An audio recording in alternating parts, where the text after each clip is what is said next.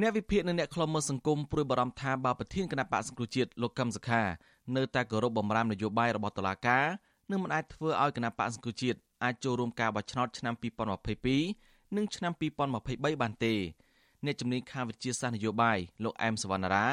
យល់ថាលោកកឹមសុខាគឺជាអ្នកនយោបាយដូច្នេះគួរតែសកម្មខាងផ្នែកនយោបាយលោកបញ្ចេញទស្សនៈថាអ្វីដែលលោកកឹមសុខាអាចធ្វើបាននៅពេលនេះគឺជំរុញទៅតុលាការឲ្យបន្តការជំនុំជម្រះក្តី លើសំណុំរឿងរបស់លោកទោះបីជាយ៉ាងណាលោកថាបើតុលាការមិនតន់ដំណើរការក្តីទេ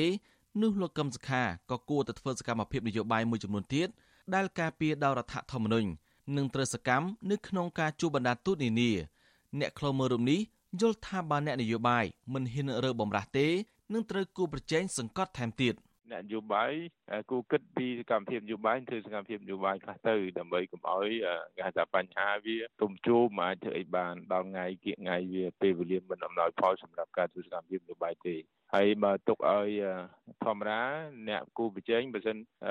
គេសង្កត់គូមួយម្នាក់ទៀតបានហើយម្នាក់ទៀតអត់រើទេគេជាសង្កត់ចឹងហើយហើយបើសិនម្នាក់ទៀតរើវាអាចមានឃើញមហាជនឬក៏អន្តរជាតិគេអាចមើលឃើញអំពីសកម្មភាពការ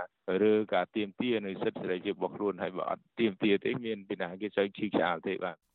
ចំណែកអ្នកខ្លំមើលការអភិវឌ្ឍសង្គមបណ្ឌិតសេងសេរីយល់ថាបលកកឹមសខាចង់ចូលរួមការបោះឆ្នោតដោយគ្មានការចូលរួមពីលោកសំនឹងស៊ី គឺអាចធ្វើបានភ្លាមទោះបីជាយ៉ាងណាលោកថាបើមេបកប្រឆាំងរូបនេះនៅតែរក្សាចំហរូបរួមគ្នាដដែលគឺគណៈបកកណ្ដាលអំណាចនឹងពិបាករៀបចំផែនការបំបែកលោកកឹមសុខាចេញពីលោកសំនឹងស៊ីដោយសារចំណាយពេលវេលានិងធនធានច្រើនលោកយល់ថានៅពេលនេះលោកកឹមសុខាអាចជ្រើសរើសជំរើសរងចាំក្រោយការបោះឆ្នោតឆ្នាំ2022សិន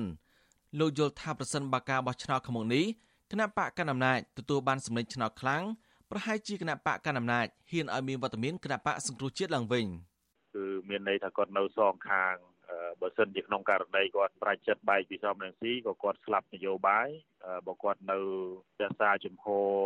ជាមួយនឹងលោកសំរងស៊ីក៏គាត់មានលទ្ធភាពតិចតួចនៅក្នុងការត្រឡប់មកសេវានយោបាយវិញដោយសារកន្លងមកយើងឃើញថាសម្ដេចនាយករដ្ឋមន្ត្រីនឹងប្រកាសម្ដងហើយថាករណីលោកកឹមសុខានឹងត2024នោះបានអាចដោះស្រាយនេះចេញអញ្ចឹងហើយគឺលោកកឹមសុខានឹងគឺនៅដូចចុះទឹកកពើឡើងលើខ្លាអញ្ចឹងជុំវិញវិបត្តិនយោបាយនេះដែរប្រធានក្រុមប្រឹក្សាខ្លមមើលកម្ពុជា នៅប្រទេសណូវេ លោកម៉ែនណាតយល់ថា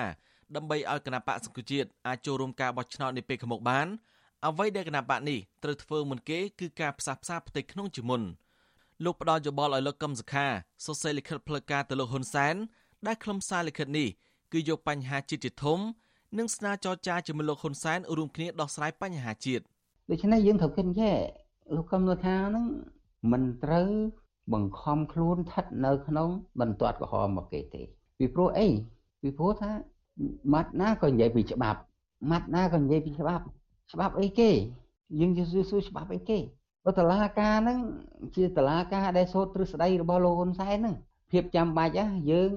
យើងត្រូវធ្វើយុទ្ធនាការមួយគេផ្ដល់សេរីភាពឲ្យខ្ញុំវិញមកក្នុងនាមអ្នកនយោបាយរឿងនយោបាយដោះស្រាយបញ្ហានយោបាយរឿងនយោបាយត្រូវតែមិនចាំប្រើពាក្យចរចាក៏បានទេប្រើពាក្យជជែកគ្នាក្នុងបញ្ហាក្នុងដំណោះស្រាយជាតិ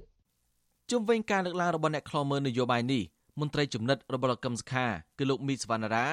លោកយល់ថាស្ថានភាពនយោបាយសពថ្ងៃមិនចាំបាច់ឲ្យលោកកឹមសុខាបោះដៃសុំការចរចាជាមួយលោកហ៊ុនសែននោះទេគឺសហគមន៍អន្តរជាតិកំពុងធ្វើការងារនេះហើយលោកឲ្យដឹងទៀតថាលោកកឹមសុខាកំពុងមមាញឹកចំពោះការងារទូតដើម្បីឲ្យគណៈបកប្រឆាំងអាចចូលរួមការបោះឆ្នោតឆ្នាំ2022ខាងមុខនេះសប្តាហ៍នេះនិងសប្តាហ៍ក្រោយលោកកឹមសុខាក៏ជួប ជាមួយនឹងអគ្គរដ្ឋទូតប្រទេសមហាអំណាចជាច្រើនដូចជា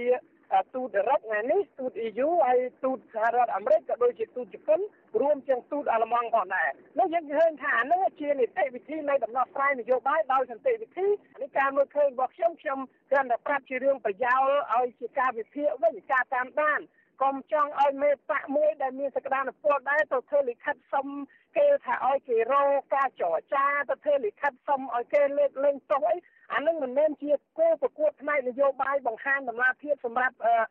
ប្រជាប្រដ្ឋដែលជាម្ចាស់ឆ្នោតទេបាទប្រធានគណៈបកសង្គមជាតិលោកខឹមសុខា នៅថ្ងៃទី25ខែមករា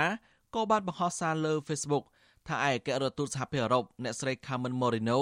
បានមកសម្ដែងសម្ដារជាមួយលោកដល់ផ្ទះ